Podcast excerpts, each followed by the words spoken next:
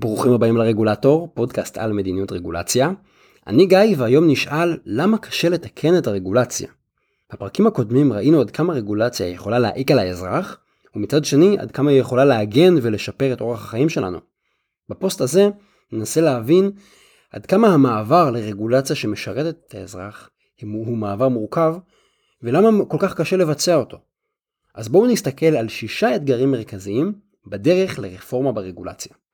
האתגר הראשון הוא פרטים קטנים והרבה מהם. רוב הרגולציה לא נקבעת בחוקים של הכנסת, אלא בתקנות שהשרים חותמים עליהן, ובעיקר בנהלים, הוראות, רישיונות וכולי. אומרים שאלוהים נמצא בפרטים הקטנים. וכך גם הרגולציה. הנה כמה דוגמאות. תקנות התכנון והבנייה מגדירות בצורה מאוד פרטנית איך לבנות בית. למשל, לפי פרט 2.21 לתקנות התכנון והבנייה בקשה להיתר תנאה ואגרות, השטח של החלונות במטבח יהיה לפחות 5% משטח רצפת המטבח. אגב, בחדר השינה שטחם המינימלי של החלונות יהיה לפחות 8% ובחדר שירות שאינו חדר ארונות לפחות 10% משטח רצפת החדר. אנחנו ממש מגדירים יחס בין שטח חדר לגודל חלונות בכל סוג של חדר, וזה כמובן לא ייחודי לחלונות, יש לנו רגולציה על כל הרכיבים של בניין שאני בונה. עוד דוגמה, פרט 2.91 קובע שדלת הכניסה לדירת מגורים תהיה או מעץ, לפי תקן ישראלי 23 כמובן, או מפלדה. אם אתם בונים את דלת מפלדה, זה בתנאי שציטוט כנף הדלת בנויה משני לוחות פלדה בעובי של 1.2 מילימטר כל לוח, סגור הציטוט. ויש עוד ארבעה תנאים כדי להשתמש בדלת מפלדה. עוד דוגמה, תקנות 58 עד 60 לתקנות התעבורה קובעות שנהג שמתכנן לפנות חייב לאותת באמצעות אור מהבהב, אבל התקנות אפילו מגדירות איך לאותת עם היד למקרה שמכשיר האיתות שלכם מתקלקל.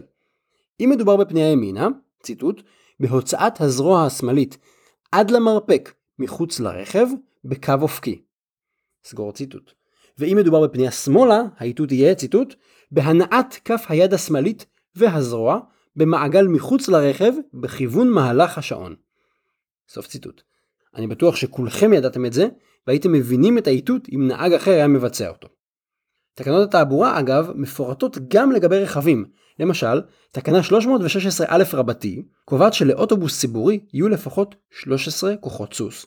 לעומת אוטובוס פרטי שהוא יכול להיות עם 12 כוחות סוס בלבד. מה ההבדל? לא יודע.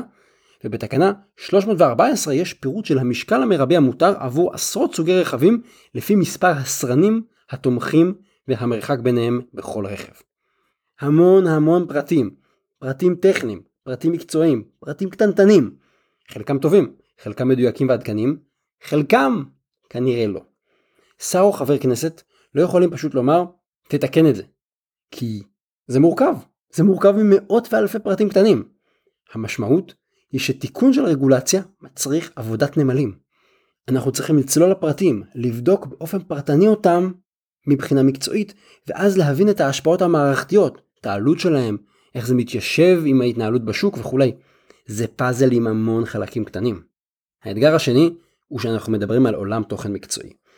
כמו שראינו הרגולציה היא לרוב מקצועית ולכן היא נכתבת על ידי מומחים בתחומם, על ידי אנשי מקצוע. למשל, האם הרמה הבטוחה של קרינה אלקטרומגנטית היא 1000 מיליגאוס? אולי 4 מיליגאוס? אולי 0.4 מיליגאוס? יש מחלוקת בין אנשי המקצוע של המשרדים השונים בממשלה אגב, יש לינקים לדעות השונות בבלוג. כדי להכריע אם 1000 מיליגאוס זה בטוח או שאולי צריך 4 מיליגאוס, צריך להבין את התוכן המקצועי, ורק אז נוכל לדעת איפה יש בעיות ברגולציה. או עוד דוגמה, דיברנו על אוטובוס ציבורי שצריך כוח סוס אחד יותר מאוטובוס פרטי כרגולציה מחייבת. אז כדי לדעת אם הדרישה הזאת היא הגיונית, או אם היא אפשרית בכלל, אנחנו צריכים להיות אנשי מקצוע.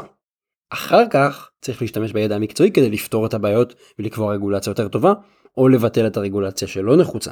לכן אם רוצים לשפר את הרגולציה, צריך לאתגר את אותם מומחים. צריך לצלול לתוך עולם התוכן המקצועי, צריך ללמוד אותו לפרטיו, ולהבין מה התכלית של כל הוראה. ואז נוכל לחבר את הפאזל המקצועי הזה בחזרה. רפורמה בתחום רגולציה מצריכה לימוד של עולם התוכן הזה, כדי שנוכל לעזור לרגולטור המקצועי לבחון את הרגולציה שלו ולשפר את איכות הרגולציה. זה מצריך הרבה עבודת הכנה. למידה מהירה מצד אחד, ושיתוף פעולה עם הרגולטור מצד שני. אתגר שלישי הוא כשאנחנו עושים רפורמה ורוצים לסדר את הרגולציה, אנחנו משלמים על טעויות שנעשו בעבר. קודם כל צריך לומר שהרגולטור שאיתו אנחנו רוצים לעבוד על רפורמה, כנראה שהוא לא קבע את כל הרגולציה בתחום, כנראה הוא קיבל את זה מירושה מהקודם שלו בתחום ומהקודם של הקודם שלו בתחום. יש לנו רגולציה משנות ה-80, זה לא הרגולטור שנמצא היום 40 שנה אחר כך, בטח לא רגולציה שנקבעה בשנות ה-50 וה-60. אבל זה הולך יותר עמוק. כי אם למשל לא אספנו מידע בעבר, יהיה לנו מאוד קשה לבצע ניתוח מבוסס נתונים, כי פשוט אין. ואיפה שהשירות לא היה מקצועי, לא היה נגיש, לא היה אכפתי, אז נוצר חוסר אמון של הציבור בממשלה. ואז אם אנחנו רוצים להיעזר בציבור, לקבל ממנו שיתוף פעולה, לאסוף מידע, אז יהיה יותר קשה. זה קורה גם במקומות בהם פעולות הפיקוח היו ממוקדות הרתעה וענישה, ולא היו ממוקדות בעידוד ציות להוראות. באותם מקרים, יהיה לנו קשה מאוד לייצר שיתופי פעולה עם הציבור ולהזמין אותו לתרום רעיונות. יכול להיות שכל הצוות יהיה בעניין, כל הצוות הממשלתי. אבל בגלל החלטות לא טובות שהתקבלו לפני 10 ו-20 שנה, יהיה היום קשה לייצר שינוי. כי לך תביא את הציבור, לך תביא נתונים אם הם לא קיימים. הנקודה הרביעית, האתגר הרביעי, זה שרפורמות ברגולציה נוגעות בכל האלמנטים של מגזר ציבורי. רגולציה היא פונקציה מאוד מרכזית של הממשלה. הרבה מאוד אנשים עוסקים בה, וכדי לסדר אותה, צריך לגעת בהרבה מאוד גורמים, כי יש סביב הרגולציה מערכת תומכת מאוד גדולה. אם אנחנו רוצים לתקן את הרגולציה, נצטרך להפעיל חלקים מאוד גדולים מהמנגנון הממשלתי. למשל, אם אנחנו רוצים להיעזר במומחים לניהול סיכונים, או להצטייד בציוד יותר מדויק כדי לעשות יותר בדיקות וככה להפחית עלויות רגולציה, נצטרך לעבור תהליכי רכש. זה כולל תקציבים, מכרזים, עבודה עם החשבות וכולי.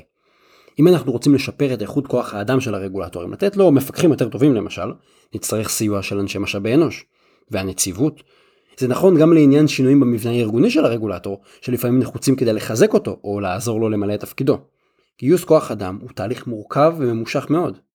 ואם נרצה לתת לציבור שירות יותר טוב, לייעל תהליכים, לשפר את הדיוק של הרגולציה או לאסוף נתונים, נצטרך מערכות מחשוב. הרגולטור המקצועי לא מפתח לעצמו מערכות מחשוב. זה נעשה על ידי יחידת המחשוב ויחידות מערכות המידע של המשרד או של הרשות, נצטרך לעבוד איתם, להכניס אותם לתוך התהליך. בכל מקום שהתהליכים האלה עובדים חלק ומהר, יהיה יותר קל להוציא לפועל רפורמה ברגולציה. אבל כשקשה לצאת למכרזי רכש, לעסוק בכוח אדם או לפתח מערכות מחשוב, הרפורמה המקצועית תתעכב אפילו אם הרגולטור מאוד מאוד רוצה לשנות ולשפר. האתגר החמישי הוא תהליכים משפטיים ממושכים. תראו, נניח שחקרתי איזשהו עולם תוכן ספציפי, הסיפור עם כוחות הסוס של האוטובוסים, שטח החלונות בבניין, או הדלתות של הבניין, וניתחנו את כל הרגולציה עליו, ובסוף גם גיבשנו מתווה לרפורמה, נניח אה, לבטל חלק מתהליך הרישוי. אבל אם תהליך הרישוי מעוגן בחוק או בתקנות, השינוי יקרה רק אם נתקן את החוק והתקנות האלה. שינויים משפטיים בחוקים ובתקנות הם תהליכים ארוכים ומסורבלים שיכולים להיתקע בהרבה מאוד נקודות.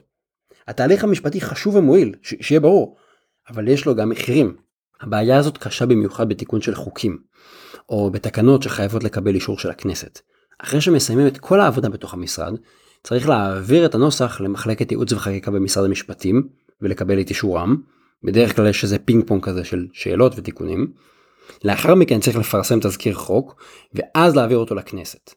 בכנסת זה לא נגמר, בכנסת התיקון צריך לעבור שלוש קריאות במליאה ועוד דיונים בוועדות. התהליך בכנסת כפוף ללוח הזמנים של הכנסת, ולפעמים יש לה משהו יותר דחוף לעשות ואנחנו מחכים. אם הכנסת לא רוצה לדון בהצעת חוק שלי, אז פשוט זה לא יקודם. וזה יכול לתקוע את הרפורמה. האתגר השישי והאחרון הוא שלרגולטור אין תמריץ לעשות רפורמה. את הנקודה הזאת הזכרתי בעבר בהקשר של שנאת הסיכון של הרגולטורים והתמריץ שלהם להימנע מסיכון או מתביעה פלילית. באופן מסורתי, הרגולטור מופקד על אינטרס ציבורי אחד מוגדר. ככה תמיד אמרנו לו, אתה אחראי על בטיחות, והיא אחראית על הבריאות, והוא אחראי על הגנת הסביבה, וזהו. הרגולטור, מבחינת הנרטיב של המערכת, אף פעם לא דרשו ממנו לתת לציבור שירות יותר טוב, או לחסוך עלויות לציבור, להיות יעיל, או לאפשר ודאות וחדשנות. לא הציבור, לא התקשורת, לא החוק היבש, ולא ההיררכיה הארגונית דרשו את זה מהרגולטור. הם רק מענישים אותו כשקורה אסון. גם אסון שהוא לא יכול למנוע. לכן, רפורמה כרוכה מבחינת הרגולטור בהשקעת משאבים ובסיכון עצמי. רגולטור טוב שהוא משרת ציבור במובן העמוק של המילה, מבין את זה, ולכן יודע שהתפקיד שלו הוא לא רק למקסם את ההגנה על אינטרס מסוים, למשל למקסם את הבטיחות בעבודה. הוא מבין שהתפקיד שלו זה איזון בין מספר אינטרסים, במטרה לייצר את המצב הכי טוב עבור הציבור. אבל מבחינת מבנה התמריצים של הרגולטור, הוא לא דוחף אותו לשם. ולכן זה נס קטן בכל פעם שרגולטור מוכן להוביל רפורמה משמעותית. כי אותו רגולטור עושה משהו נהדר, בניגוד לכל המסרים שהוא מקבל מהסביבה. הוא גיבור. אז ראינו שיש לנו הרבה מאוד פרטים קטנים לתקן, מדובר בפרטים מקצועיים, צריך לעבוד על בסיס של תשתית חלשה, צריך לרתום את כל האלמנטים והשחקנים של מגזר ציבורי, יש לנו תהליכים משפטיים מאוד מאוד ממושכים, וכל מערכת התמריצים של הרגולטור עובדת נגדו כשהוא רוצה לעשות רפורמה. כשהאתגרים האלה מתחברים ביחד, יוצא שמאוד מאוד קשה להוביל רפורמות ברגולציה. כל הקשיים האלה מתחברים לאתגרים מערכתיים רחבים יותר של המגזר הציבורי, שפועלים ומשפיעים עלינו כשאנחנו באים לגעת ברגולציה. בנוסף, חשוב לזכור שרפורמה היא תמיד אתגר כי כרוכה בשינוי, והתנגדות היא התגובה הראשונה לשינוי. אם עסקנו בעבר בתחשיבי עלות תועלת, אז לאור ההשפעה האדירה של רגולציה על חיינו, צריך להגיד שההשקעה ברפורמות בהחלט בהחלט שווה את זה. אז הנה עכשיו אנחנו מבינים את המחיר מבחינת תהליך של רפורמה כזו, וכדאי להעריך רפורמה שצולחת את התהליך הזה ויוצאת לפועל. ועכשיו לפינת השאלות והתשובות שלנו. ליטל שואלת, האם אפשר למדוד את התועלת מצמצום של בירוקרטיה? היי, ליטל, תודה על השאלה, זאת שאלה מעולה והיא חשובה במיוחד לאור האתגרים האדירים שראינו בפרק הזה. כמובן שברור שאם אני חוסך לך את, למשל את הצורך לחתום על טופס מול עורך דין אז חסכתי לך את ה-300 שקלים שהיית משלמת לאותו עורך דין. אבל לא בזה מתמצות העלויות של הרגולציה. חסכתי לך את אה, בזבוז זמן העבודה, את הנסיעה לעורך דין, את העיכוב שנגרם לך, כי אולי עורך דין אה, לא היה פנוי והתעכבת עם פתיחת העסק עד שהיה לו זמן אלייך.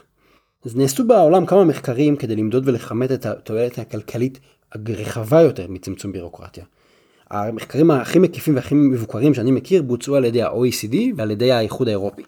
והם בחנו מה קורה למדינה שהצליחה לחתוך בבירוקרטיה בהיקף משמעותי.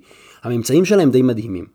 מה שהם מצאו זה שאם מדינה מצליחה לבטל 25% מהבירוקרטיה שלה, שזה היעד בממשלה הישראלית גם, אז אותה מדינה נהנית מגידול של 1.5% בתמ"ג בהיקף הכלכלה, ומגידול של 1.7% בתעסוקה.